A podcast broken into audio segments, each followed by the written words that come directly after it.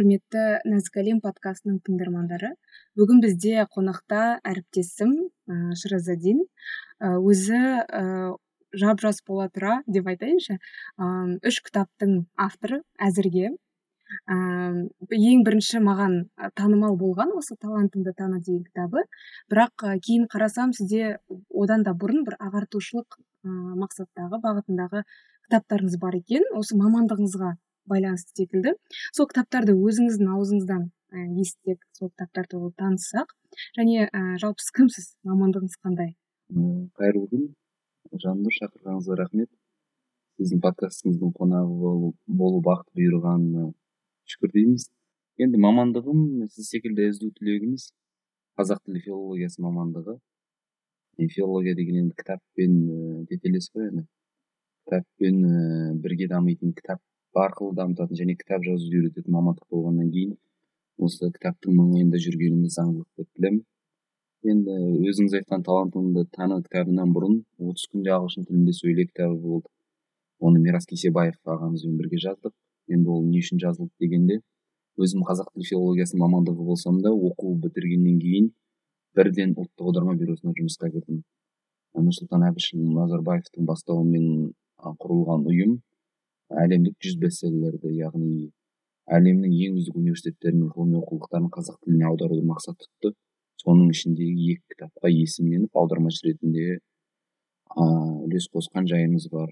сондықтан енді ағылшын тілін жақсы тез арада меңгере алдым. аз да болса соны меңгере алмай жүрген осы шет жақтағы қиырдағы курсқа жеке репетиторға мүмкіндігі жоқ ағайынға көмегім болсын деп жазылған кітап. Отыз күнде дедіңіз иә? сонда yeah. Қай левелдан дейікші қай деңгейден қай деңгейге көтереді және бұл жерде ағылшын тілінде сөйле. Әлде тек қана разговорный речь дейді ғой сондай спикинг па? Ә, мәселен мынада кез келген тілдің бір заңдылықтары болады да. Тіл өзі бір тірі организм сияқты ғой және оның заңдылықтары бар. Ә, сонда отыз күн бойы кітапта айтылған ережелерді ұстансаңыз соны орындасаңыз тілдің бастапқы негізгі базовый дейді ғой заңдылықтарын ережелерін санаңызға сіңіре аласыз одан кейін ары қарай процесс жеңілдей түседі. Яғни ең бірінші қадам қиын да ең бірінші кезең әрдайым қиын болады. Тіл үйренуде сондай. Ең бірінші биіктік мысалы шың он метр болса одан кейін бәрі бір бір метр бір бір метрден кейін сондықтан ең бірінші кезеңді өтіп алу үшін отыз күннің өзі жеткілікті. Отыз күн ұдайы еңбектенсеңіз енді ода керемет деңгейге жетпейсіз енді интермедиат немесе интермедиат болуыңыз мүмкін. Бірақ ол жерде деңгей емес маңызды. Тілдің табиғатын қаншалықты түсініп ала аласыз. Себебі тілдің табиғатын түсінсеңіз ары қарай тіл сізге бір ғажайып әлем секілді өзінің құпияларын ашады. Да сол ғажайып әлемнің картасын миыңызға құйып алуыңыз керек та оның мына жерінде не нәрсе мына жерінде не нәрсе екенін кейінірек біле жатарсыз. Ең бастысы жол картасын айқындап аласыз да отыз күнде. Бірақ сол тілді ары қарай жетік меңгеремін десеңіз осы отыз күндік кезеңнен өтуіңіз шарт мхм сондай идеясы сондай. күштісіз андай ыыы жазушы осы кітаптың авторлары болсаңыз да андай нақты айта салғаныңыз ұнады. Бұл жерден сөйлеп кетпей шетелге кетіп қалмайсыз. Ә, шынымен мысалға ғаламторда ә, білеміз. Ә, мен өзім ағылшын тілін мысалға өзім үйренгенмін андай репетиторға бармай деген сияқты. Ғаламтордың мұғалімі интернет еді дегенмен бір андай бір жүйелі бір нәрсе жоқ. Әр жақ әрбір жаңағыдай өзінің ақылын тыға береді деген сияқты ғой. Бірақ осындай бір кітаптың қазақ қазақ тілінде үйрететін шынымен сайттардың өзі жоқ негізі ғаламторда сол үшін ә, бұл кітап нағыз андай қазақ қоғамының бір кетігін ә, жаба алады жапты деп ә, түсінеміз. Рахмет еңбегіңізге. Ә, ал орыс тілі оңай тұр кітап туралы не айтқыңыз келеді? Орыс тілі оңай кітабының тарихы дәл сондай. Енді мен шынымды айтсам орыс тілін қашан үйренген себебі мен тумысымнан орыс тілін білген сияқтымын бірақ себебі ііі менде галопқа қатысты айтатын болсақ лернер деген бесінші талант та. Яғни үйренуші. Сондықтан енді бірақ үйде кітап болмады. Ыыы кітап болмаса да ыыы интернет болса журнал болса адамдардың өмірбаянын оқығанды жақсы көретін. Және википедияның бәрі орысша еді. Солай шетінен мысалы толстойдың өмірбаяны есениннің өмірбаяны шетінен бастай беретінмін сол есениннің өмірбаянында маяковскийді айтады маяковский кіріп кететін сөйтіп кішкентай кезімнен оқи бердім оқи бердім. Және орыс тілін қалай үйренгенім есімде жоқ та. Және маған ол нормальный нәрсе секілді көрінді. Мхм. Қалыпты нәрсе секілді көрінді. Да орыс тілін білу және одан қиналмау. Бірақ кейін университетке келгенде былай шет шалғай ауылдардан келген біраз ііі қатарластарымыз орыс тілінің шорқақ екенін және орыс тілінде айтылған сөздерді түсіне бермейтінін таң қалдырды таң қалдырды енді бізде енді о жетпіс жыл отар болдық десе де орыс тілінің жалпы орыс халқының ғылымын жоққа шығару келмейді сондықтан ағылшын тілінен кейін орыс тілі қасқайып тұр. сондықтан орыс тілін білгеніміз өзімізге абзал орыстың ғылымы менделеев болсын толстой болсын үлкен әдебиеттің көрнекті өкілдері ғылымның көрнекті өкілдері және оларды түпнұсқада түсіну үшін орыс тілін білу шарт. Және сол аралықты сол жолды қысқартуға көмектесейін деп енді орыс тілінде оңай деген кітабымызды жазып шығардық енді ол кітап дегенде отыз күнде ағылшын тілінде сөйлеуден бір кішкене айырмашылығы бар онда біз орыс тілінде біз тек грамматиканы қазақша түсіндіріп бердік өйткені біздің айналамыздың бәрі орысша ғой иә тек мәселе грамматикада болып тұр әйтпесе орысша ы листенingмен ешнәрсемен мәселе жоқ қой бізде тыңдаумен иә сондықтан тек грамматикасын бердік күшті.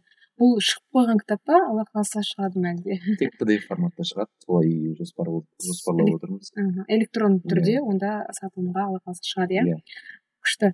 Енді осы ең негіз болатын ең арқау болатын тақырыпқа келсек сол кітапқа келсек талантыңды таны деген кітап өте керемет жазылған. Ыыы мен жазушы ретінде деп әріптес ретінде шынымен мойындаймын өте керемет. Ііі бағасын көрген кезде мен негізі таң қалдым мың теңге болды ғой. Ыыы мың теңге. Және жүз қанша бет? Жүз он екі бет. Жүз он екі. Бет. Өте күшті. Қазақша негізі гэлап туралы маған тіпті инстаграмнан жазады да гэлап дегеніміз не? Мен гугл ыыы көмектесетін шығар деп жазамын да енді ізденсе екен деген сияқты. Айтады жоқ әпке кешіріңіз гэлап туралы қазақша гуглдың өзінде жоқ сол үшін өте керемет кітап. Енді осы туралы айтсақ идея қайдан келді не үшін талантыңды таны деп аталады. Және ііі қашаннан сіз қашан гэлап тапсырдыңыз неше күнде жазылды бұл кітап? Соның бәрін тарихын айтып беріңізші маған кәдімгідей қызық болып тұр. І кітаптың тарихын айтайын енді бірінші галоптың тарихын айтайын. Бізге жұмысымызға данияр жігітбек аға ауысып иә келгенде содан бастап і бәрімізді галоппен ауыртты десек те болады тырнақша ішінде бәрімізге айтып оған дейін енді шынымды айтсам қанша кітап оқып даму жолында жүріп ізденіс істеп жүрсем де айтайын ол не үшін олай болғанын білмеймін.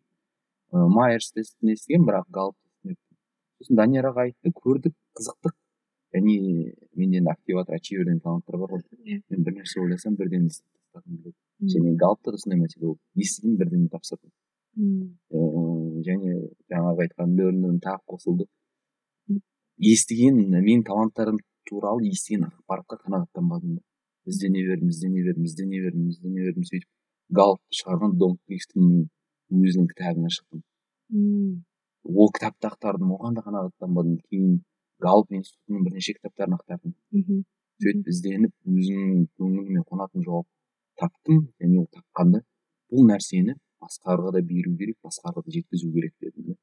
Себебі галоп тапсырды бірақ ағылшын тілін жетік білмейтін адам мақұрым қалатын ситуация мен ондай жағдай менің көңілім көңіліме қонбады болмау керек ондай. Иә иә. себебі бір адамның бір адамнан артықшылығы тіл білуінде болып кетсе ана иерархия дұрыс болмай қалады ғой. Мысалы галоп тапсырған тек қазақ тілінде сөйлейтін адам мен галоп тапсырған бірақ ағылшын тілін жетік білетін адамның дамуында екі түрлі болып кетеді ғой. Сондықтан бүкіл адамзатқа бірдей адамзат демей ақ қояйын жалпы галоп тапсырған осы кітапты оқыған адамдарға і бірдей отправная точка дейді ғой яғни. Күшті. Бірдей бір старт болсын бәрі бірдей мүмкіндік болсын өмірінде өз қажетін ала алатындай өзін танысын жетістікке жетсін талантын дамытсын деген ниетпен бірден ыыы кітапты жазу процесіне бастадық процесін мхм идеясын енді сіз қателеспесем бірінші атауы ойыңызға келді. Иә менде сондай нәрсе бар. сосын кітап жазылды иә. Мен бір бірінші әдемі сурет көремін не кітаптың мұқабасын көремін немесе атын сізде футуристик нешінші шығар? туристик нашар енді жиырма екіде. Бірақ соған келе келе берген да. иә. Ііі, бірақ мен қатты бір сұлулықты көремін сол сұлулыққа сай кітап таңдаймын да кейін. Ііі бірақ енді кітапты жазамын деп басында ойламадым. Мен тек іздендім іздендім. Бірақ не істеу керек дедім кейін қоя тұрдым. Бірақ қайрат жолдыбайұлы ағамызбен бір күні сөйлесіп отырмыз. Ол кезде менің талантым ііі бақытты бол деген кітап жазып жатқан едім. бірақ осы талантқа қатысты иә жоқ ол жалпы өмірлік ұстанымдар көп адам уайымдайды бір иә иә. Әбігерлігі бар. Ол нәрсе ұнамайды да оның өмір салты сондықтан бақытты бол деген кітап жазып жатқан қайрат аға жаныма келіп отырып не істеп жатрсың деп жағдайды сұрастық сөйлестік сөйтіп айттым аға міне бақытты бол деген кітап жазып жатырмын бір қарады. Сразу не істейсің бұны деді бүйт деген кітапты бәрі жазып бүйтпе өйтсең бақытты боласың шынымен де кім жазып жатыр деді да оны аха одан да сен талант туралы талантын таппай қаншама адам қор болып жүр деді нағыз бақыт деген талантын табу емес па талант бойынша жұмыс істеу емес па деді сол кезде басында лампочкадан еще бізде күшті еще бізде данияр ағай бірінші орында жаңағы гелап деп жанып жүретін одан кейін осы шыраз аға бәріне гелап тапсырдың ба тапсырсаңшы деген сияқты күшті күшті нәрсе? оқиғасы солай енді сөйтіп бір айда жазып шықтым. Бір ай кешке жұмыстан қалып екі сағат қалып жазып шықтыңыз. Иә. Көбінесе мен оқыдым ғой. Сосын ә, мен де андай жаңағы туралы кітаптар оқып шығатынмын басынан бастап соңына болмаса да көз ілесіп. Ә, қарасам сізде көбінесе бір мысалдардың өзі мысалдарыңыздың өзі қазақи да соны таң қалдым ә, демек бұл жай ғана аударма бір құрастырылған ақпараттар жиынтығы факттар жиынтығы емес. Ә, бірден айтайық. Айтпақшы галап туралы айтып кетейікші. Бұл жаңағы тест ә, әлемдік деңгейдегі деп қалай айтты ғой международный деген да? Енді әлемдік деңгейдегі ыыы әлеуметтану әлеуметтану саласының саласын зерттейтін галп деген институт бар алпыс жылдық тарихы бар. Солардың бастамасымен солардың жүйесінің негізінде қалыптасқан ыыы тұлғаның тұла бойын талантын анықтайтын тест қой. Иә бұл ә, тестті тапсырыс тапсырасыздар? Одан кейін сіздерге жиырма бес беттік жаңағы репорт дейді отзыв жазып ой қалай айтады отчет береді. Yeah. бірақ ол ағылшын тілінде басқа тілде берілмейді орыс тілінде де жоқ.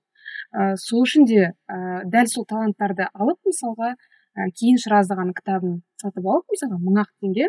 Ал тесттің өзі елу доллар тұрады жиырма мың теңге. Ал дәл сол таланттарды оқу өзіңіздің таланттарыңызды тану құны бір мың теңге болып тұр. Ақшасын көтерейікші деп. Бірақ бұл жерде айта кететін бірнәрсе мәселе бар. Біріншісі ана есеп береді журналист тек бір екі сөйлем ғана келтіреді. Иә.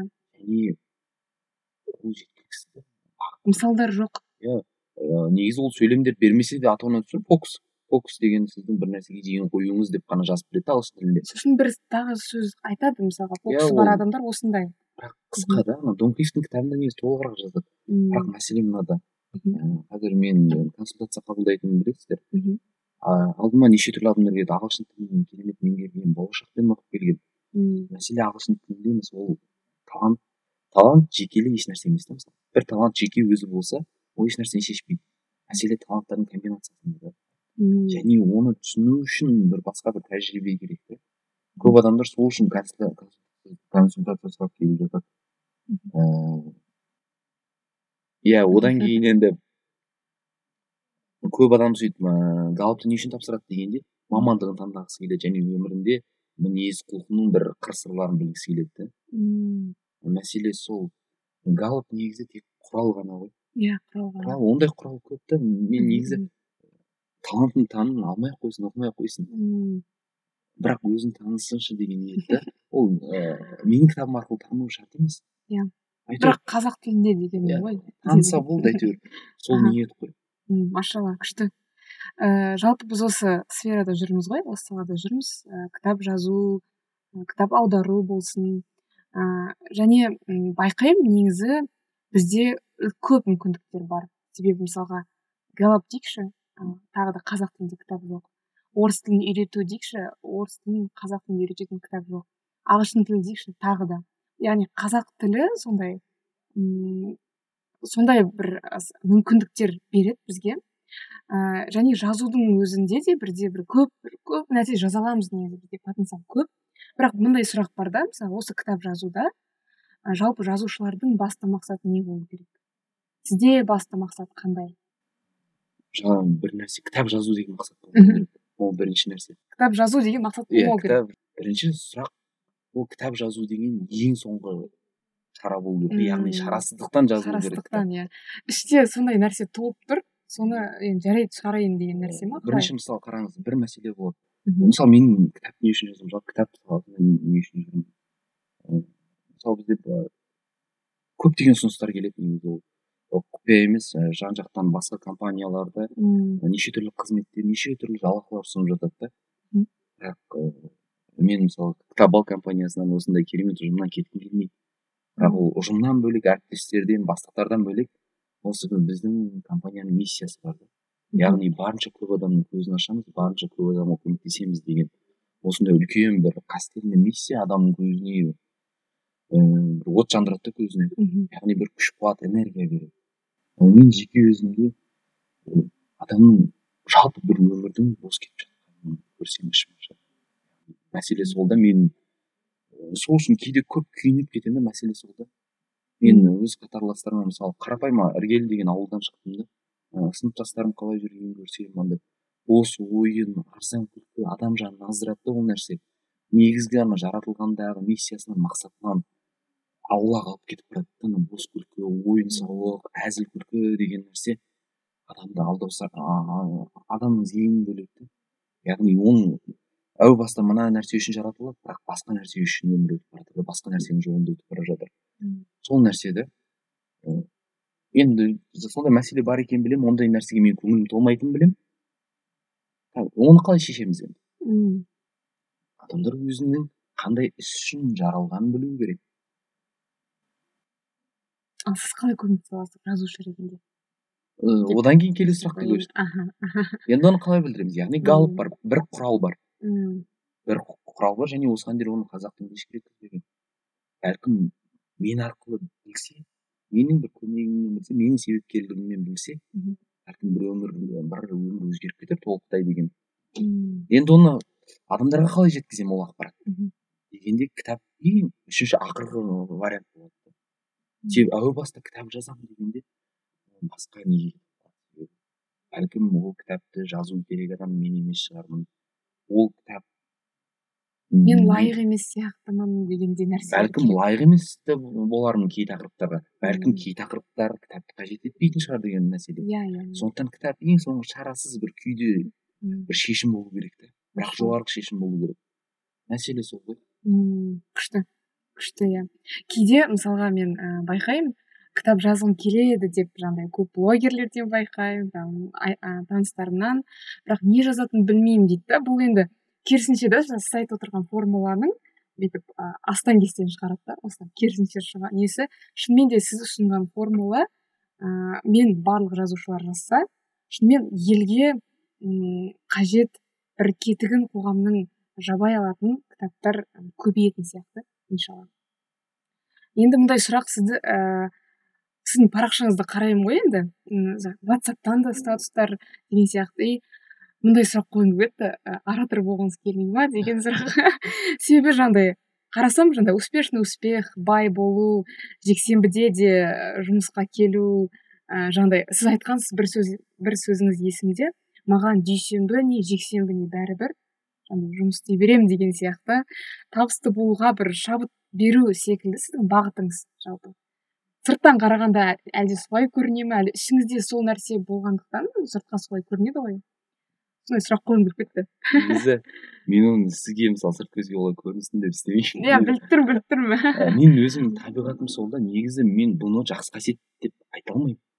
Себебі мен кейде енді сіздер мен тек жұмысымды немді ғана көресіздер ғой. Сырт келбет менің басқа өмірімнің салалары жаңағыдай еңбекқорлығымнан зиян шегуі мүмкін. Адамдармен қарым қатынасым жақындарыммен қарым қатынасым бәлкім жақын адамдарымды ренжітіп алуым мүмкін. Себебі мен бір мойнымда жүк сезінемін да осы әлемге қоғамға деген жауапкершілік. Сондықтан мысалы шынымды айтамын осы жексенбі демалайыншы деп ниеттенемін не алтыда тұрамын да бүгін ешқайда істемеймін жатамын кітап оқимын деп ниеттенемін. Бірақ сегізде жұмыста отырамын қайда? енді мәселе мынада жаңа айттым адамдар адамдар демей ақ қойшы мен қатарым тіпті мен інім уақытын бос өткізгенін жек көремін да ондай нәрсені. Себебі құдай бізді жаратқанда үлкен миссия берді ғой. Бізді киноға барсын деп жаратпады ғой. Бізді отырсын туған күн тойламасын деп жаратпады. Бізге бір пайдалы болсын. Басқаларға үлес қоссын басқаларды дамытсын өзінің бір тек өзі ғана істей алатын тек өзінің ғана қабілеті жететін бір ерекше миссияны атқарсын деген бір жолмен бір сондай мақсатпен жаратты ғой бізді. Және сол нәрсені басқаларға түсіндіргім келеді. Және мен өзімнің миссиямды әлі таптым деп айта алмаймын. Бірақ осы қазірге дейін күн сайын еңбектенбесем ол миссияны нақты таба алмай кететінімді білемін да сондықтан күн сайын мәселелер болсын жұмыс болсын о құдайым бүгін мен сенімен жатқан миссияға бір қадам бір қадам жақындаймын ба екен? Жақындаймын ба деген. И то вопрос па? Иә мен білмеймін ғой енді. Бірақ үйде жатсам жақындамайтыным анық та. Бірақ ә, жұмысқа барсам ізденсем оқысам жақындап қалармын деген үміт бар. Бірақ үйде жатсам ол категорически жоқ болып қалады ондай yeah. мүмкіндік даже возможность қалмай қалады ғой сондықтан әрдайым енді үмітсіз шайтан дейді ғой сондықтан үміттеніп бәлкім осы жұмыстың артында осы игі істің артында менің миссиям менің жаратылысымның бір сыры жатқан шығар деген ой болу керек та сонда қазір ойлайсыз ыыы миссиямды әлі таппадым іздеу үстіндемін мен таппадым мен әлі табуға да міндетті емеспін. Жасым мен небәрі жиырма екіде ғой сондықтан бірақ іздеу шарт та мәселе сол. Ана айтады процесс маңызды дейді ғой ана америкада айтады сен жақсысың ана бош вер дейді ғой түрік тілінде иә, сол иә, иә. сияқты. Уайымдама дейді. Бірақ жоқ сен уайымдауың керек. Уайымдауың керек ізденуің керек. бірақ табуың шарт емес таппадым деп уайымдама. Іздемей жатырмын деп уайымда.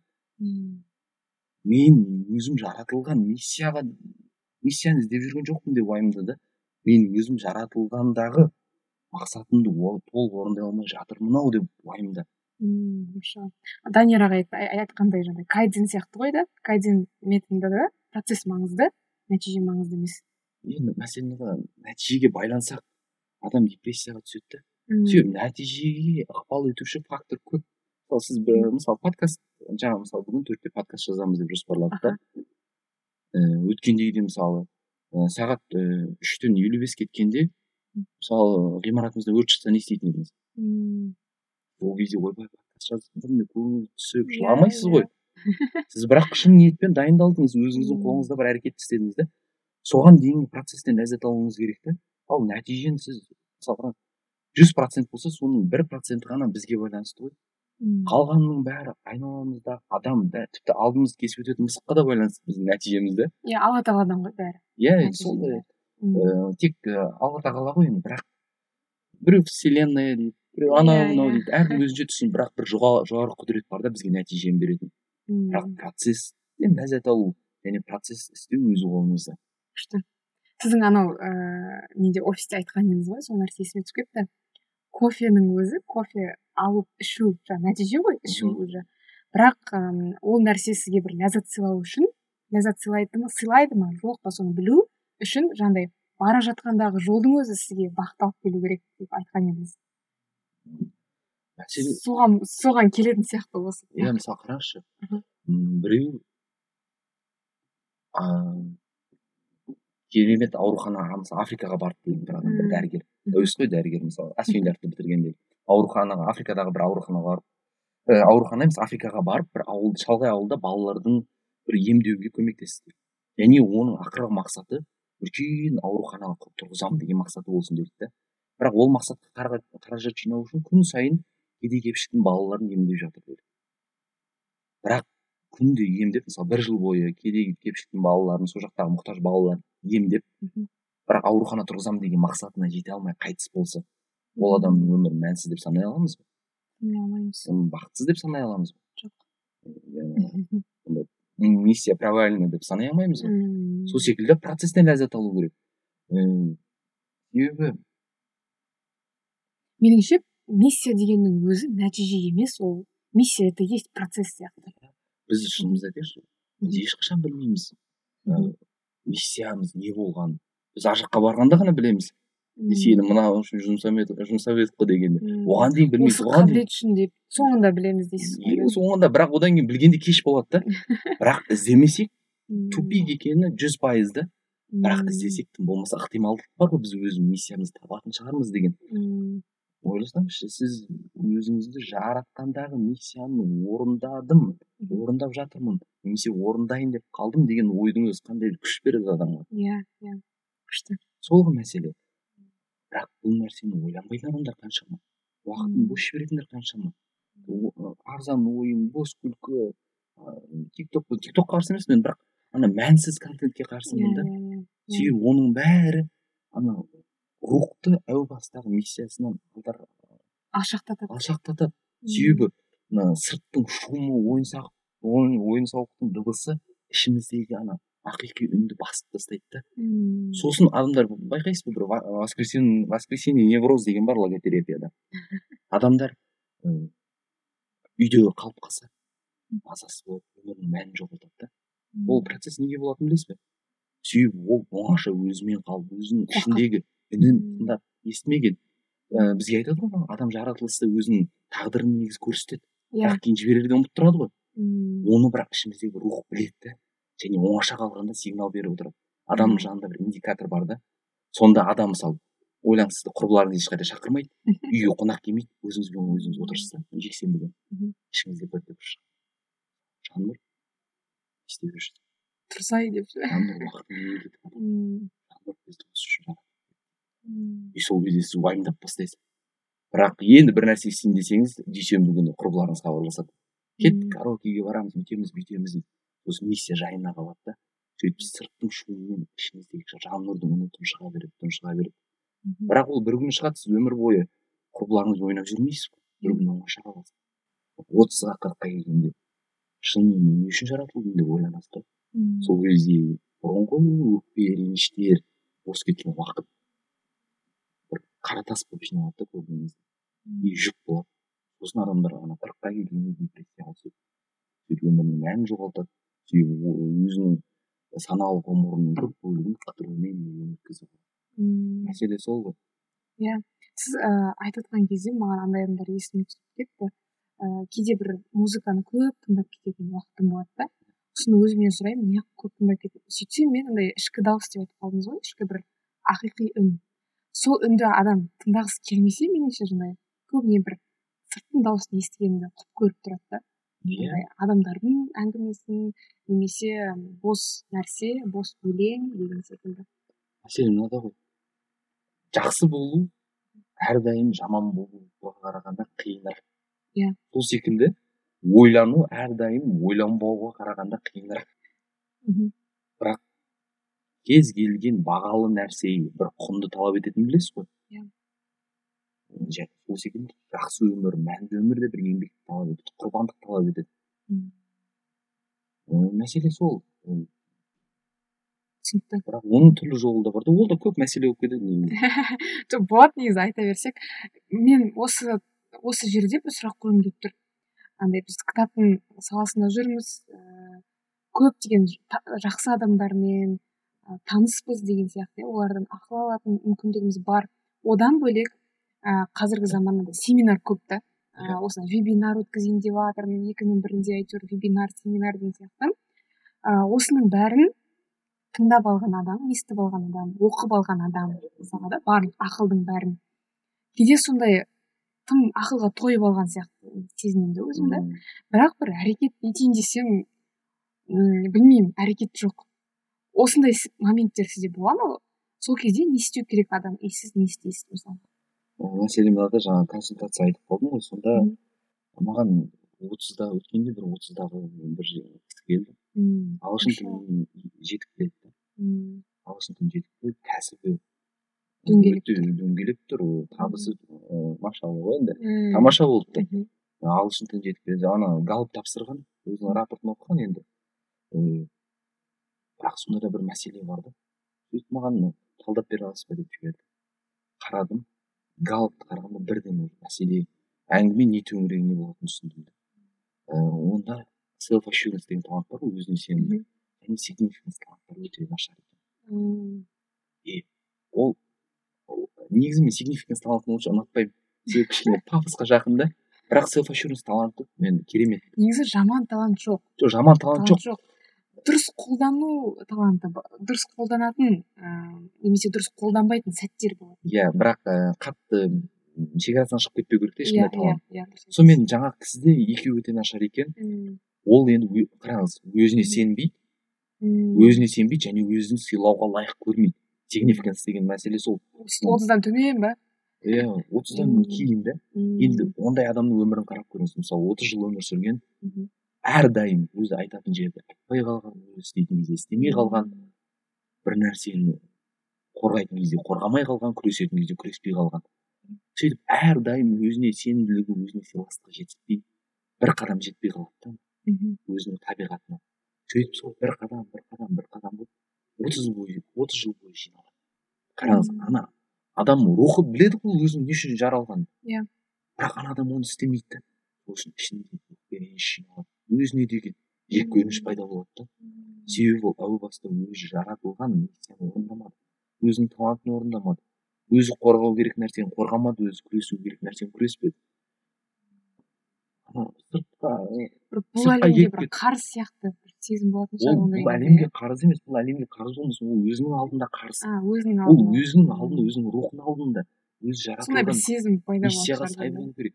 Және сол нәрсе адамды депрессияға тығады себебі ол біліп тұр ғой ішінде біреу айтып тұр тоқта біз қате қате кетіп жатырмыз отыз жыл қате кеттік тым болмаса ары қарай дұрыс жолды таңдайық дейді да сосын уайым депрессия психологтар деген кезең осы кезде басталады иә иә сөйтіп маған айтып бірден әңгімені бастадым и ана кісі мысалы ер адам болса да жылап жіберді да бірден себебі мәселені түсініп тұр ол да түсініп тұр басқалардың айтқанына еріп жүрген өзі шынымен күресетін нәрсеге күреспей жүрген қараңызшы мысалы ә, сіздің әу баста жаратылғандағы миссияңыз темекі шегу зиян дегенді айту делік мхм. Бірақ сіз мынандай ортаға түстіңіз делік сізден басқа он бес адам темекі шегетін ортаға. Яғни сіз айналаңыздағы адамдар үндемей тұр ғой демек мен де ана адамға үндемей ақ қояйын дейсіз да? Сөйтіп айтпай қаласыз. Бірақ ішіңізде ождан сөйлейді. ождан дейміз рух дейміз бір, бір субстанция бар да адам ішінде индикатор сияқты. Қате істесе қызыл жанады дұрыс істесе жасыл жанады. И ішіңізде бір жан нұр тық тық етеді че там дейді бірақ сіз айтасыз айналадағылардың бәрі үндемей жатыр ғой мен не үшін сөйлеймін дейсіз?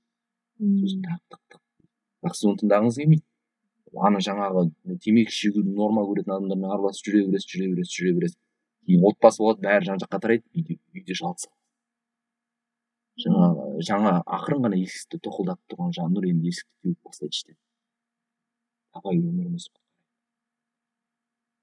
қате кетіп жатыр басқа жаққа кетіп жатыр жаңағы нұр дейді сосын сіз, сіз сол кезде сізге жетеді да енді не істеймін деп бірден жүгіріп асығып ана білесіз ба негізі адамдар есіктен шығуды мақсат тұтса мынандай америкада бір зерттеу болған егер жылдамдыққа ғимараттан шығу шығып жарыста секундты засекать еткен да сол кезде мысалы он бес секундта шығады екен да ал өрт кезінде дәл сол ғимараттан шыға шығу екі минутты алады екен. Мм. Сонда ана өрттен адам сасып қалады сасқалақтап ойлана алмайды тынық ойлана алмайды. Жаңағы отызға өмірін көбінесе өзі арналмаған іске арнаған адам сондай болады да. Қызыл сигнал жазады да пожарный и асығып бір шешімдер іздейді. Сосын қателеседі. Көбінесе мүлдем қуып кетеді. Тибетке кетіп қалуы мүмкін буддизмға да сондай мәселелер болады. Сондықтан байыппен ойлану керек негізі желательно ол жасқа дейін жеткізу керек жастай мысалы осы тыңдап отырған жас оқырмандарымыз сіздің жас тыңдармандарыңыз болса қазірден өзін танып менің миссиям не деген сұрақты өзіне қойған абзал мәселе сол ә, себебі сіз қазір өзіңізді танытамасаңыз кез келген адамның кез келген пікірін жетелей бересіз бірақ сізді не ғой немесе екі адам жаратып мен мынаны жараттым сен соның артына ер деп айтпады ғой бізге. Сенің өзіңнің жолың бар сенің өзіңнің тағдырың бар. Сен соны істе соны ең үздік формада істе деп істе деп жіберді ғой. Соны түсінуіміз керек. Немесе шынымен де мына кісі табысты болсын ал сен табысты болма деп ондай жарат олай жаратпады. Мына кісіде миссия күшті бір миссия болсын а вот сенде болмай ақ болмай ақ қойсын демеді шынымен бәрі бәрі сапта тұрғанда. Так сен табысты боласың. Сен болмай ақ қой сен қарап тұр анаған десе. Бірақ құдай әділ ғой. Бәрімізге ерекше бір миссия береді. Және ол миссия әрқайсысы өзінше керемет те. Оны түсіну керек. Себебі біз бүгін өз миссиямызды таппасақ құдайға жаңағы айтқан мысалы отыздағы кісі бес уақыт намаз оқимын бірақ өзімді өлтіргім келеді дейді мәселе қандай? Біз мысалы мен өзім осыған дейін былай ойлайтын едім. Бес уақыт намаз оқысам все болды. Иә. Проблема шешілген деп ойлайтын едім. Иә. Бірақ оказывается ондай емес екен. Оны оқу бір бөлек екен және шынымен өзінің жаратылысын түсіну бір бөлек екен да мысалы жаңа кісіге айттым. Тамам мен менде галпта релейшн деген төмен ғой. Что ана жылағанына несінде ешқандай өзгеріс болмайды да менде. Шайымды ішіп отыра бердім. Ә, бірақ мәселе мынада. Тамам дедім допустим сен өзіңді өлтірдің. Мен негізі өзімді өлтіру дегенді қолдай алатын едім егер не мына өмірде не ана өмірде бір ұтатын болсаң бір нәрседен бірақ сен мына өмірден айырыласың уже жағдай жөндейтін мүмкіндігінен айырыласың ар жаққа кетесің. Уже ноль. И ар жақта тоже хана. Ол жақта ноль. Сол ғой. Иә. Былай қандай есеппен қарасаң да ұтылып тұрсың ғой сен. Бірақ өзіңе қол жұмсамасаң күрессең өзгертуге өзгертуге өзгеруге тырыссаң бір жақсылық істеуге пайдалы болуға тырыссаң шанс бар ғой сен осыған дейінгі бос кеткен өміріңді ақтап аласың. Бір сауап аласың деген. Мынаны жуып шаясың деген бір үміт бар ғой. Ана үмітсіз тозақ дегеннен гөрі неге сол үміт үшін күресіп көрмеске деймін да мен айттым егер бірақ ар жақта бір плюс болса бір галочка болса пожалуйста өле бер дедім. Бірақ ол жақта ешнәрсе жоқ қой бізге айтып қойған не бар не бар екенін ол жаққа өзіңе қол жұмсасаң иә. Мәселе сол да. Мен уайымдап кеттім ііі мен эмпатпын ғой екінші орында соған негізі статистика бойынша шынымен тмд елдерінің ішінде қазақстан алдыңғы орындарда. Әсіресе отыздағы деген адамға келген кезде мен қатты қорқып кеттім да негізі жаңағыдай подростковый дейді ғой жасөспірімдер арасында қазақстан бойынша көп астында. Ыыы сонда бұл мәселе тіпті дінде де емес негізі. Себебі біз атам заманнан дін ұстанатын құдайға сенетін адамдардан халықтанбыз ғой дегенмен бұл проблема бар да андай уайымдатады екен шынымен. Мәселе дінде емес. Біз дінді дұрыс емес иә, түсінуімізде ғой мәселе. Біз дұрыс емес түсінеміз де дінді ана жаратылғандағы миссия мысалы тәбәрәниден жеткен мынандай хадис бар да. Ыыы кім қандай іс үшін жаратылса ол іс оған жеңіл беріледі. Иә иә. Яғни айтып тұр ғой. Галап қой десеңші. Иә жоқ айтып тұр ғой енді. Дұрыс дұрыс. Тағы басқа не керек деген енді тамам жаңағы жаңа кісі арқылы жалпы проблеманы ашайықшы мысалы. Жаңағы иә, кісінің историясы арқылы сол кезде жеңіл болады да жалпы айта иә а то менде жүрегімде қалып кетті. Енді тамам енді осыған дейінгі өмірі қиындау болды және өзін өзі сатып келді өзі жаратылған миссияны ақтамады делік ары қарай не істеймін дейді. Енді өмірін реттеу керек қой бір нәрсе мынандай бір шарттар бар мен айтайын. Біріншісі чисто сіз мысалы студент болдыңыз ғой көшіп қонғанда үйді тазалайтын кезде бірінші заттардың бәрін сыртқа шығарып аласыз ғой. Иә. Кілемді иә үй бардак кезде бірінші сыртқа шығарып аласыз кейін реттеп кіргізесіз ғой. Иә. Сол секілді адам өмірінде сөйту керек та полный адамдарды полный хоббині іс әрекетті бәрін сыртқа шығарып тастап өзінің өзі қалайтын өмірдің андай проекциясын реттеп алып адамдарды іріктеп кіргізу керек. Менің өмірімді бұрынғыдай бардаққа айналмайтын адамдар кім? Олар қайсы деп шет шетінен кіргізу керек та мәселе сол ыыы бірінші тазалау өмірін реттеу. Яғни тек қана адамдардан емес адам емес. іштен болсын бұрынғы мысалы бәлкім травмадан болсын. отыз жыл бойы өзінің анық миссиясын түсінбеген өзінің қай жолға арнайтынын білмеген адам скорее всего хоббиі да өтірік оның хоббиін басқалар навязывать етіп берген. Бәлкім класстасы соны істеп жүргеннен істеп кетуі мүмкін группалас істеп жүргеннен істеп кетуі мүмкін. Ол ол іс шынымен оныкі ма? Оны да айқындау ол да под вопросом сонымен бірінші өмірін реттеп алу керек. Жалпы мысалы жеке өмірде қарым қатынаста кәсіптегі бардак жалпы өмірдегі бардактың бір бөлігі ғана. Өмірі ретті адам басқа ешқандай сала өмірдің саласы само собой ретте болады ғой мысалы мынаны айтамын да сіз мысалы тугиспен жүресіз ғой қалада. Иә. Бір көше қай қай жерде тұрғаныңызды білмей қалсаңыз картаны үлкейтесіз ғой. Қай көшелер екенін алматының қай шетінде екен деп. Бірақ бүйтіп ана өзіңіз тұрған үйдің қасының терезесіне жақындатпайсыз ғой. Сол секілді общий картинаны қарау керек та. Иә. Адам табысына көңілі толмай ма немесе басқалардың өзіне деген қарым қатынасына көңілі толмай ма? Демек өмірі өмірінде беспорядок так бір бірінші тазалаймыз. Тазалағаннан кейін екінші екінші этап басталады да. Біріншіден адамдар ғой біздің ортамыз айналамыздағы адамдар өте маңызды рөл атқарады енді мұсылман бауырының дінінде дейді ғой иә жалпы адам бауыр қай дінде болса сол дінде болады сондықтан орта айналасындағы адамдардың маңызы зор да сондықтан оны фильтровать етіп үйренуіміз керек енді осы кезде мынандай қағида бар тек өзіңе жақсылық тілейтін адамдармен аралас осы простой қағида бар негізі любой адам біледі өзіне жамандық тілейтін адам жанына алып жүргісі келмейді ғой. Бірақ оны қалай фильтровать ету керек екенін білмейді да қалай фильтровать етеміз жақсы жаңалықты айтасыз Ііі, қуантса демек қараңыз. ә, мысалы сізге гүл келді. Мысалы, Келді сізге. гүл келді делік иә көрді ғой гүл келгенін. Айналаңыздағы әріптестеріңіз көрді. Құрбыларыңызға айтасыз гүл келді деп. Сонда олардың реакциясы қандай? Сізге шын қуанар ма? Немесе әзілдеп болсын.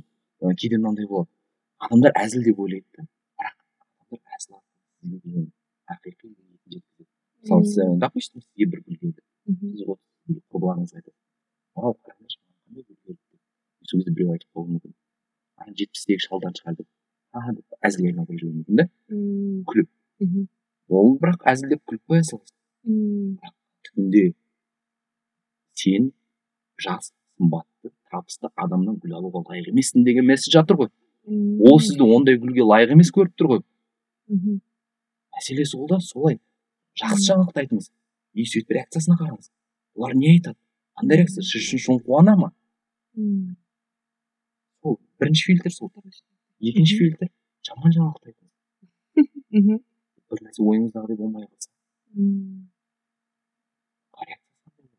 Шынымен қайғыратын шынымен қайғыра ма сізге шынымен жаны аши ма? Мысалы қараңыз фильтр оңай ғой иә қараңыз егер сіздің сіздің ортаңыз айналаңыздағы адамдар нашар болса допустим сіз мысалы подкаст бастадыңыз осындай керемет жоба бастадыңыз подкаст бастадыңыз қарындастарыңызға көмектесіп жатсыз мысалы.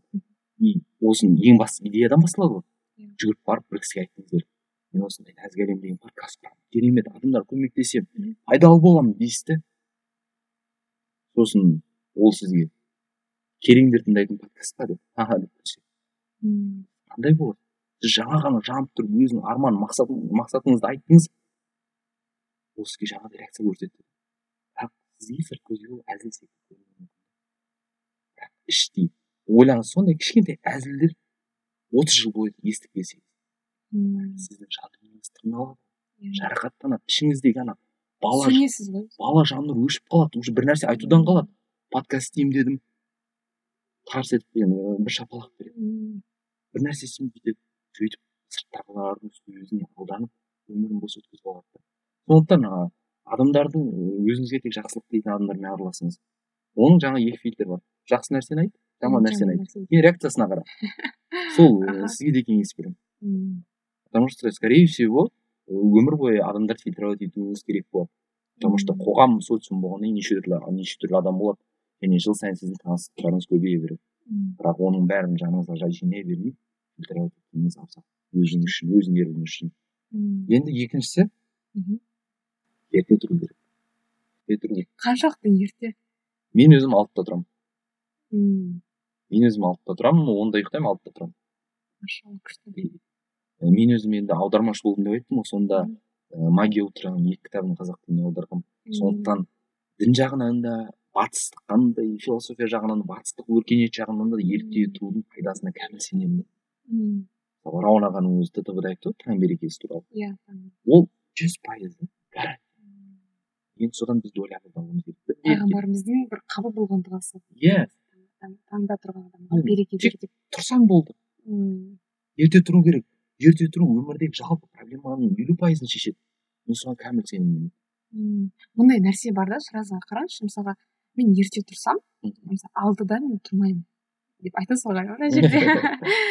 Арнайы бір күндер болады ерте тұрамын деген яғни жеті күннің жетеуінде де алтыда тұрмаймын.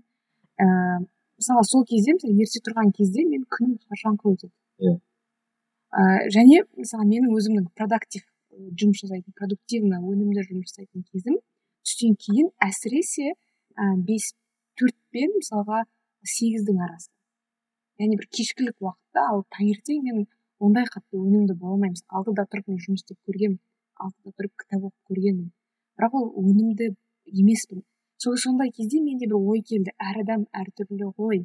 Әркімнің подходы әртүрлі ғой. Біз әрқайсымыз теңдессіз жаратылыспыз ғой.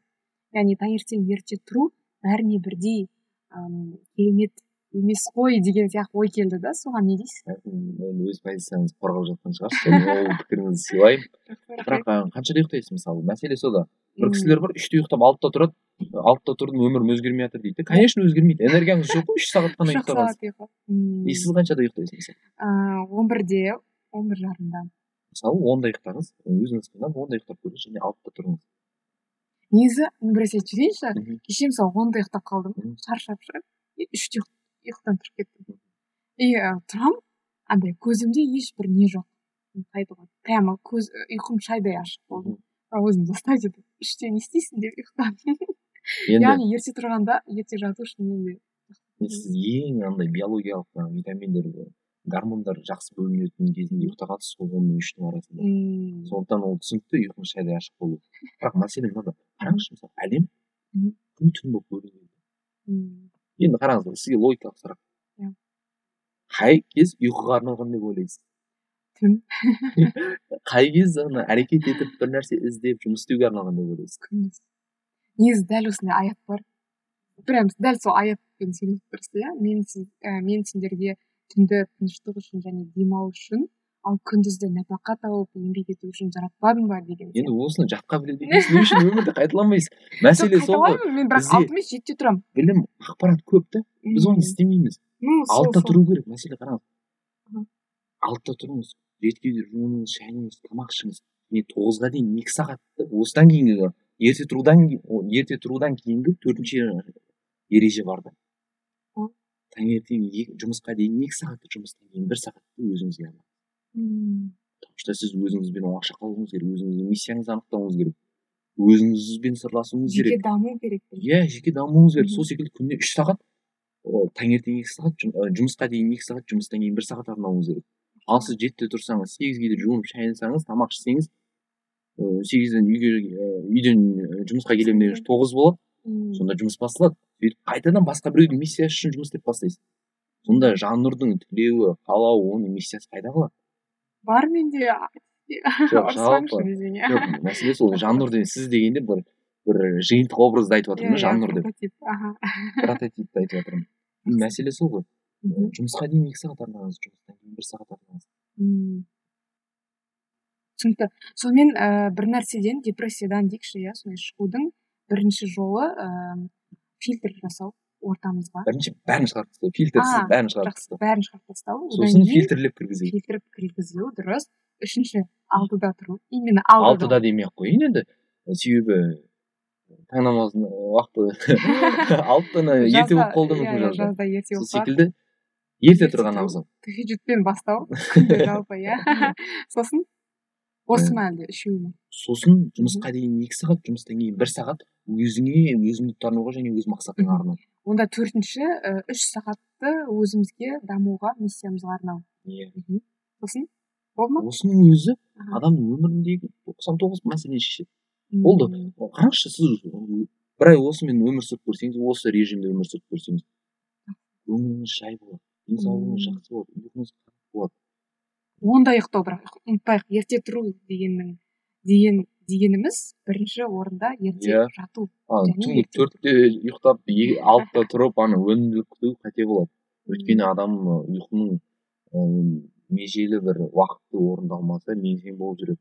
Ондай кезде сіз өзіңіз былай тұрсын қоғамға айналаңызға ешкімге пайдалы болмайсыз. Зиян келтіруіңіз мүмкін Иә. раздраженность болады. Негізі он бір негізі ең потолок сияқты. Иә. Он бір ең абзал енді он бірге дейін он бірге дейін ұйықтасаңыз абзал. Күшті. Енді сіз ә, манан бері жаңа айтып кеттік. Фильтр жасау сырттан басқа адамдарды шығарып тастау яғни керек емес керек емес дейміз емеспіз зиян дейік па қалай айтамыз? Ә, олар білесіз ба сіз жаңа айттым ғой бір екі мысал келтірдім ғой. Аха. Мысалы қараңыз. Сіз маған шыraz аға мен подкаст бастаймын керемет болады осы сұхбат жасаймын осындай ыыы қайрат аға данияр аға секілді кісілермен сұхбат жасаймын. Подкаст түсіреміз деп келсеңіз мен сізге жаңағыдай кереңдер тыңдайтын подкаст болады екен деп қайтарып жіберсем ойлаңыз. Біріншіден бұл сіздің көңіліңізді түсіреді. Екіншіден сіздің өмірлік энергияңызды білесіз ба бұндай адамдардың ең жаманы олар өзі еш нәрсеге ұмтылмайды және басқаның бір нәрсе істейтін энергиясын сорып алады вампир сияқты. Мәселе сол олар сіздің энергияңызды сорып алады да бірақ мынандай болмасын мен әрдайым айтамын. «Так, мынау маған үшін қонбайды екен деп қырылып кетпеңіз. тек үнді М, өздері адамдар өздері ақ кейін оценивать етіп тастайды просто үндемеңіз да ол сіздің сіздің өміріңіздегі жақсы жаңалықтар шын қуанбай ма бір рет айтып тексеріп алыңыз одан кейін үндемеңіз м ары қарай өзі де түсінеді сонда дұрыс ортаның болуы соншалықты маңызды болып тұр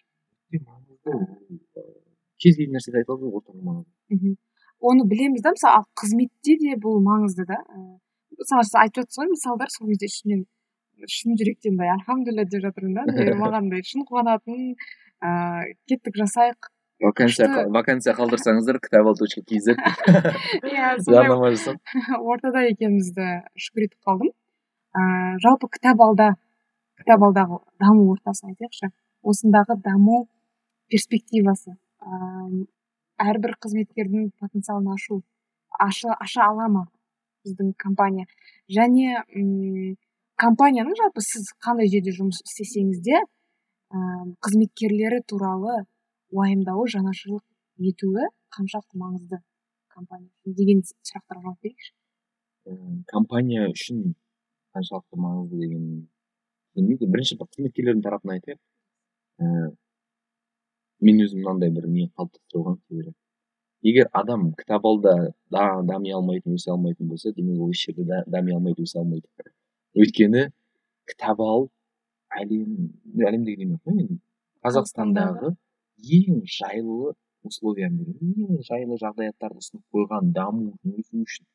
Мм бұның өзінен ары қарай алып кетпей алып кетпесе мәселе ана адамның өзінде.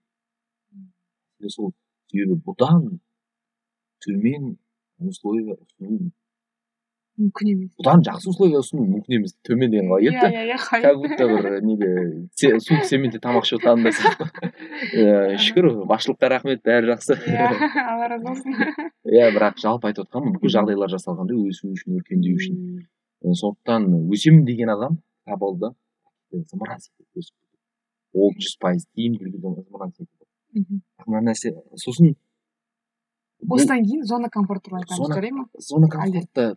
Туралы әңгіме қазір келіп тұр екен жаңа айтып қалдым ғой. себебі біз мына сыртқы факторларды айтып жатырмыз да. Бірақ біз сыртқы факторды басқара алмаймыз ғой. Біз өзіміздің қоғамымыз қандай болатынын шеше алмаймыз туған ортамыз қандай болатынын шеше алмаймыз еліміз қандай болатынын шеше алмаймыз. Жұмыс ауыстыруымыз мүмкін. Иә. Бірақ мүлдем глобально өзгеріп кетпейміз ғой себебі кітап алдан кетіп эпплға кетіп қалмайсыз ғой бірден. Бірақ қоғамды өзгерт таңдай алмаймыз емес қой жаңағы иә өзгерте аламыз. фильтр жасай аламыз. Фильтр жасай аламыз бірақ сонда да мынандай нәрсе бар да. Көбінесе біз әрекет етуіміз қажет условияларды басқалар бекітіп берген. Мм, мәселе сол. Иә. сіз мысалы мына осы жерде подкаст жазып отырмын дедіңіз. Бірақ осы бөлменің шаршы метрі осындай болады деген сіз емес қой иә бекіткен мен емес. сіз осы шаршы метрге қарай ыңғайланып өз жұмысыңызды істеп жатсыз ғой. Өмірде де солай істеу керек та мынау мысалы мына бөлме менің көңілімнен шықпайды маған үлкен студия керек деп күтсеңіз күте беретін едіңіз. Осынша күшті шығарымдалыңыз болмайтын еді осыған дейін. Мәселе сол. Біз сыртқы факторға қарамай әрекет етуіміз керек та өзіміз Мм, адам мысалы бізде мына өмірді сынақ дейді ғой зона комфорта іздеп жүріп уақыт кетіп қалады жалпы зона комфорта деген жоқ и зона комфорта сенде болса демек проблема бар иә демек сенде бәрі идеально болса демек проблема сенде неме пр- проблема сенде и ар жақта точно бір нәрсе сені күтіп тұр не- неприятный бір нәрсе күтіп тұр потому что зона комфорта деген ол әу баста бізді жа- жаратқандағы неде зона комфорта деген жүйе жоқ. Ешқашан мысалы еш нәрсе біз сендер бақытты болсын деп жараттық деп айтпаған. Немесе білесіз ба пенделер біз сендер бақытты болсын деп жараттық. Естідіңіз ба мен бірақ бізді негізі бақытты болу үшін жаратқан міне өмір қалай айтуға болады ыыы алла бізді жеңілдік үшін жаратқан. Қинағысы келмейді. Қинағысы келмейді. Бірақ біз алла алла бізге сынақтар жібереді ғой белгілі бір біздің дәрежеміздегі біздің потенциалымыз болу үшін біздің қараңыз біздің деңгейіміз мысалы бір метр дейік бірақ біздің потенциалымыз он метр әдейі қиындықтар жібереді құдай бізге сегіз метрдің проблемасын жібереді бірақ біз өзіміздің он метр күйімізге қарап ана көңіл налимыз да бір метр дейміз иә бір метр күйімізге жақта қалай жетемін мүмкін емес бірақ құдай бізге ол сынақты жібергенде біздің белгілі бір қабілетімізді болашағымызды тағдырымызды көріп тұр ғой. Ол қабілетті игере алатын немесе ол сынақты игере алатын және ол сынақтан жеткілікті бір сабақ ала алатын бір тұлғаны көріп тұр ғой бізден құдай. Бір құлын көріп тұр ғой өзінің. Иә. біз мысалы жаңа айттым картадан. Бір көшені ғана көріп тұрған адам мен бүкіл ғаламды көріп тұрған адамның қайсысы көреген деп салыстыра алмайсыз ғой. Оның білері көп қой ол хақ қой. Енді мәселе сол да кез келген сынақ мысалы мен мифологияны қатты жақсы көремін кез келген ұлттың халықтың мифологиясында мынандай нәрсе бар геракл болсын қобылан деп жатыр қазақтың бір батырлары бар ғой мысалы ертөстік ер төстік бар енді қараңыз геракл өзінің бойындағы керемет қабілеттерді қашан ашады сапарға шығады сапарға шығады жолда неше түрлі құбыжық ол құбыжық жалпы өмірде берілетін сынақтың көрінісі да түсінесіз ба? Кез келген кез келген ертегіні алып қараңызшы бас кейіпкер қай кезде өсиет өнеді бойындағы тылсым қабілеттерді ашады. қиындық туған кезде зона комфортадан шығып бір сынақ сынаққа қарсы тұрған кезінде ашады. Адам да сондай. И енді мысалы ана бізде қазақтың бір несі? жұбайын алып қашады ғой мыстан кетіп иә. Ертөстік пе еді? Ертөстікте. Мысалы осыған дейін ыыы жақсы қарапайым өмір сүріп кетеді бірақ өзінің бойындағы үлкен батырлық күшті ашу үшін мыстан кемпір алып кету болды. Бірақ ол мыстан кемпір деген жай сынақтың мифологиялық көрінісі ғой ол. Жалпы өмірімізде сынақ бар да. И өмір бірінші мынаны керек мына позитив анау мынау деген. Мен онша құптай бермеймін да. Мхм. өмір қиын. Өмір жеңіл негізі. Енді. Мен мен өзім таратып жақсы жатырмын сіз айтыңыз өмір қиын да. Жақыныңыз қайтыс болады. Жоқ енді былай діни тұрғыдан емес жалпы адами тұрғыдан айтып отырмын өмір қиын. Мысалы ана батыстағы ана позитивити несінің теориялары бар ғой ана бүйтіп анау өйтсең бүй бәрі жақсы болады деп иә иә и ол ана кішкене қауіпті да. өмір бәрі жақсы болады мен өзіме аффирмация жасап бүгінгі күнім керемет болады десем тұрып кетсең бір жақының қайтыс болып қалса сонда не болады сонда сен өмірден түңіліп кетесің бе мәселе сол ғой біріншіден андай қабылдау керек өмір сынаққа толы бірақ ол сынақ біз игере алатын сынақтар да иә және бұл шыраналық сынақтар негізі бізді жақсарту үшін берілген. Иә. Бізді потенциалымызды ашу үшін ары қарай даму үшін бір левел ап жасау үшін. Бағана айттық қой. Жақсы нәрсе жасау жаман нәрсе жасаудан қиын. Мхм. сол секілді неге ойлаңыз сынақты шешу сынақсыз жүруден қиын ғой. Иә иә. Демек оның артында да бір қайыр бар да бір ізгілік бар игілік бар. Мәселе сол да сол фильтрмен қарау керек. Сондықтан әр сынақты былай қарсы алу керек қой. Құдайым сен менің басыма осындай проблема жіберіпсің демек осыны шешу жолында менің бойымдағы бір қабілетті ашамын ғой. Мен соған асықпын. Тезірек менің қай қабілетіме сүйеніп осы сынақты жібергенің маған қызық. Құдайым деген ыждахаттылық болу керек та. иә. ыждахаттылық болу керек. Мысалы күнде таңертең тұрғанда құдайым сен менің қандай бір қабілетімді көріп тұрсың? Менен қандай қабілет шығу керек? Қай қабілетіме сүйеніп осы сынақты жібердің Мм. мәселе сол да. Тамаша осыдан кейін ақ подкастты ары ары келесі сұрақтарға негізі болып айтылатын мәселе көп ше? Иә жазуға ерінемін да бір нәрсе мен филолог болсам жазуға ерінемін Мм, сондықтан жаңа данияр ағаға да айтқан данияр аға да айтқан видео түсірсейші деп ше. Бірақ та эмоционально сөйлеймін байқаған шығарсыз иә байқадым. Сондықтан күшті негізі. видео қиын себебі темпераментіне байланысты ғой адамның Мм, күшті. Негізі сізден нақты керемет төрт нұсқа алдық. Бұл ә, бұны иншалла жасап ә, кемінде сіз айтқансыз м, бір постыңыздан оқыдым әлде сторисіңізден ба? Осымен бір ай жүріңізші деп ше? Иә. бір ай әлде кітаптан ұмытып қалдым. Бір ай жүріңіз ә, ары қарай енді қиын болады. Бірақ жаңағыдай өмір бойы деп алу бір миымызға уже Иә. қиын да. Иә. и сол үшін да жарайды мен осы төрт нәрсемен бір ай жүрейін десе уже иншалла жаңағыдай неге айналып кетеді әдетке ерте тұру деген нәрсе. Бір күн жүрген адам өмір бойы жүрмеуі мүмкін да. Бір күн істеген адам өмір бойы істей алмай қалуы мүмкін. Бірақ бір ай істеген адам екі ай істей алатыны анық қой. Қадам қадаммен жүру керек та. Бірден ауыр жүк алмай. Мысалы үйде тағы бір мысал айтайын. Үйді су басса үй үй төңкермейсің ғой су шығарамын деп төмен фундаментпен қойып бір шелекпен шетінен терезеден ата бересің ғой. Сол секілді өмір қазір өмірімізге былық толып қалғанда и оны байыппен шығару керек жаңағы қадамдармен ә, ғұрыптармен ғұрып қалай ә, нені ритуалды жо- ы, жора дейді ғой қазақша иә сондай бір жақсы бір салт өмір салтымен ақындап шығару керек күшті осымен біздің андай үлкен ашық сұрақтарымыз аяқталды бір сағат көлемінде болды енді келесі ә, қысқа сұрақтар блиц сұрақтар. Ііі, бірақ ұзан ұзын қылып жауап берсеңіз де болады жарай ма ыыы негізі мен нәзік әлем подкасты туралы айтып кетейін сіз білетін бе едіңіз жалпы білемін әрине енді әріптестеріміздің жетістігіне қатты қуанамыз және бастамаға қуанамыз өзім неге қуанғанымды айтайын.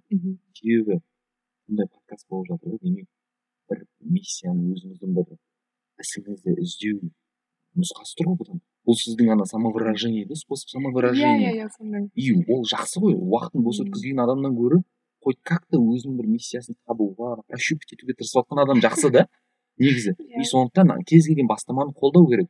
Егер ол адамға зиян болмаса әрине. Сіздің сіздің подкастыңыз әзірге зиянын көрген жоқпыз енді. Комментарийде зиянын шектім деп жазбаса. Ешкім жазбады. Тек жақсы сол сондықтан нәзік әлем подкастын білемін.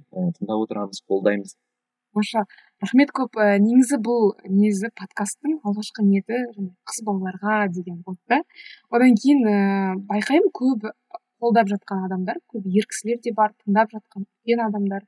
Сол үшін қазір аудиторияны шектемейміз дегенмен де кейбір ә, специфический бір сұрақтарым бар. Қыз балалардың аудиториясына арналған. Ә, сол үшін сондай сұрақтар келіп қалса арасында десем. Иә бірінші сұрақ ә, арманыңыз қандай? Арманым әрдайым айтамын. Алла мені жаратқан миссияның миссияға лайық болатындай дәрежеге сол сол ол бұндай арманның бір жақсы жері ешқашан қашан жеткеніңді білмейсің. Одан кейін шаршамайсыз. Иә шаршамайсың және қашан жеткеніңді білмейсің. Ну скорее всего жақындадым ау деп ойлайсың бірақ жеттің деген сигнал келмейді ешқашан.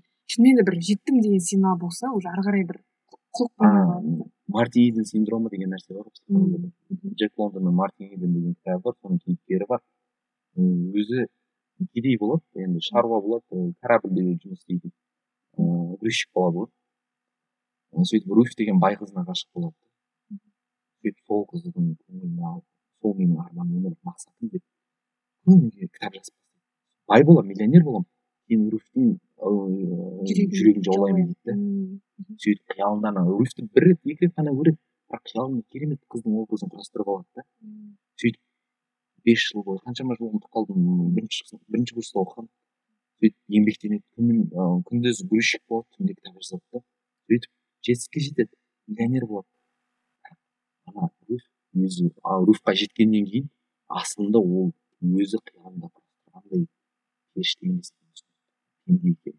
пендешілік қызықтарға келіп кететінін түсінеді сонда ақша бар бәрі бар қалаған қыз да бар. Сонда мен не істеймін өмірден секіріп кетіп сондықтан өз өзіне қол жұмсайды. иә өзіне қол жұмсайды. Сондықтан мынандай нәрсе бар. Адам өмірлік миссиясын арманын шектеулі нәрсеге қоймау керек.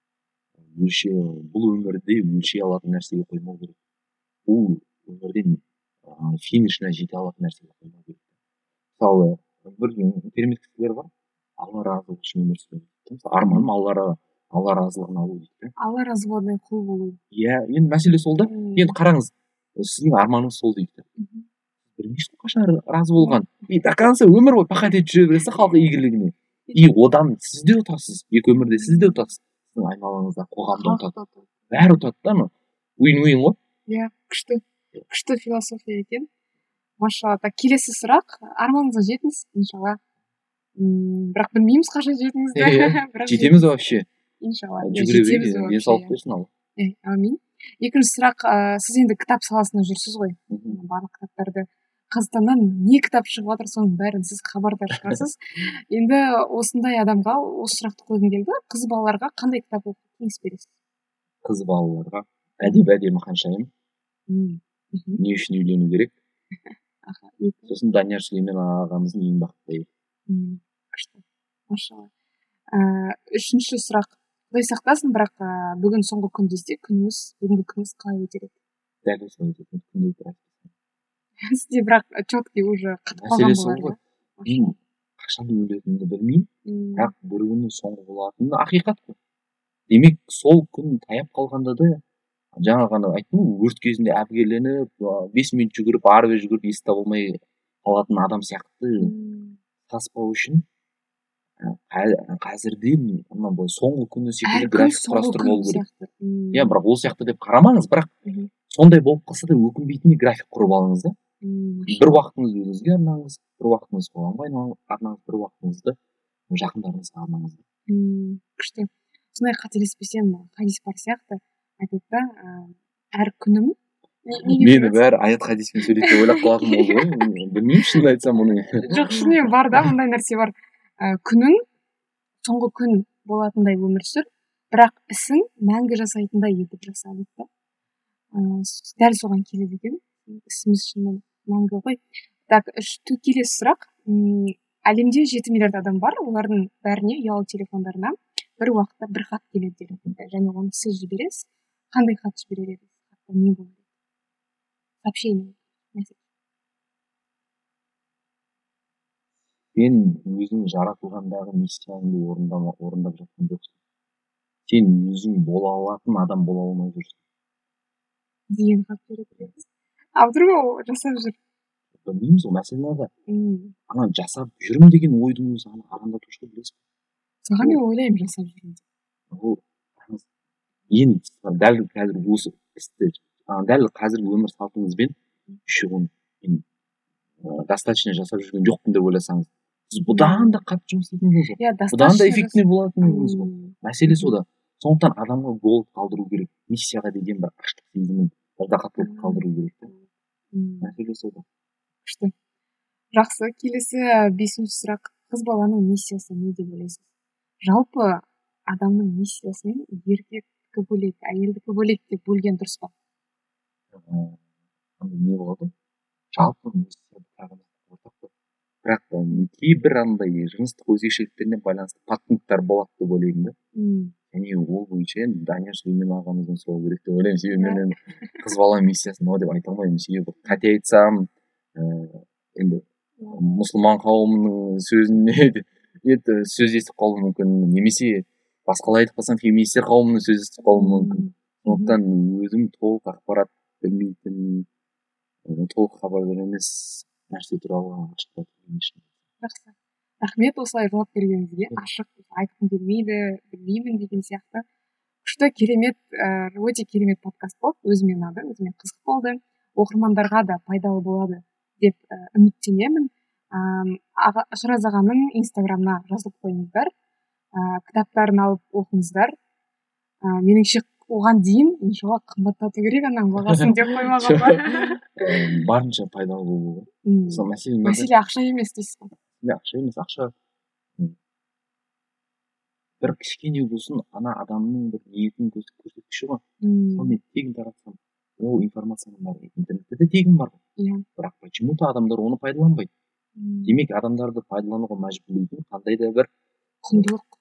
Құндылық емес ақша құндылық шамалы бір не бір құн болу керек иә құн болу керек құн болу керек и оны символический мың теңге деп алдық та сол мәселе оны қымбаттамайды болашақта жалпы бір жылдан кейін кітапты тегін тарату ойда бар себебі барынша пайдалы болсын себебі мен негізі осы сұрақты қойғым келді да сіздерден бірақ қалдым да неге мың теңге деген сияқты демек сіздер расымен расымен деппін ғой негізі мен шынымен де білемін ғой. Ыыы бірақ мен ойлайтынмын мындай нәрсе өтірік деп ойлайтын жоқ мен мындай нәрсеге мындай нәрседе ойлаймын. Адам еңбектенсе ақысын алу керек ақысын алу керек деп ойлаймын да. Яғни ақысын аламыз ғой бірақ ол ақысы ақшалай формада және оқырманмен келу керек деген шарт жоқ қой. Бәлкім осы кітапты тегін таратқаннан кейін бір жақтан инвестор табылар бір жақтан бір ұсыныс түсер. Ақыры қандай формада келетінін білмейміз ғой. Енді сол нәрсе түсініп тұрсыз иә иә түсіндім. Ризық аллахтан оқырманнан емес. Е бірақ оқырманның ықылас тілегі әрдайым қолдайды күш береді. Және мен мына подкастта айтқан нәрсені ешқайда айтпағанмын кітапта жоқ негізі бұл нәрсені. Себебі дәл осындай әңгіме естимін десек кітаптан скорее всего таппайды. Бірақ кітаптан өзінің өмірін кішкене болсын жақсартуға қажет бір ақпараттар табады да. Иә. Маған кітаптың айтпақшы ең ұнаған тұсы ыыы кіріспе. Кіріспеден кейін жаңағыдай әр ненің жаңағы таланттың мысалдары мысалға бір әңгіме ретінде болған да өте күшті өте қатты ұнады және қазақи версияда өте керемет. Рахмет еңбегіңіз жана берсін. Осы еңбек үшін де рахмет айтқым келіп тұр лично. Өзіме де пайдалы болды. Бәріне ыыы кеңес беремін. Талантымызды таниық. Ыыы және бір толқында болайық. Сау болыңыздар. Сізге соңғы сөз болсын. Шақырғаныңызға рахмет. Сізге де рахмет. Және осындай азын аулақ еңбегіңізді көпшілікке танытуға көмектесіп жатқаныңызға рахмет. Ісіңіз алға баса берсін. Сіздерді әрдайым қолдап жүреміз және әр жетістіктеріңізге шын қуанамыз. Рахмет. Жақсы сау болыңыздар.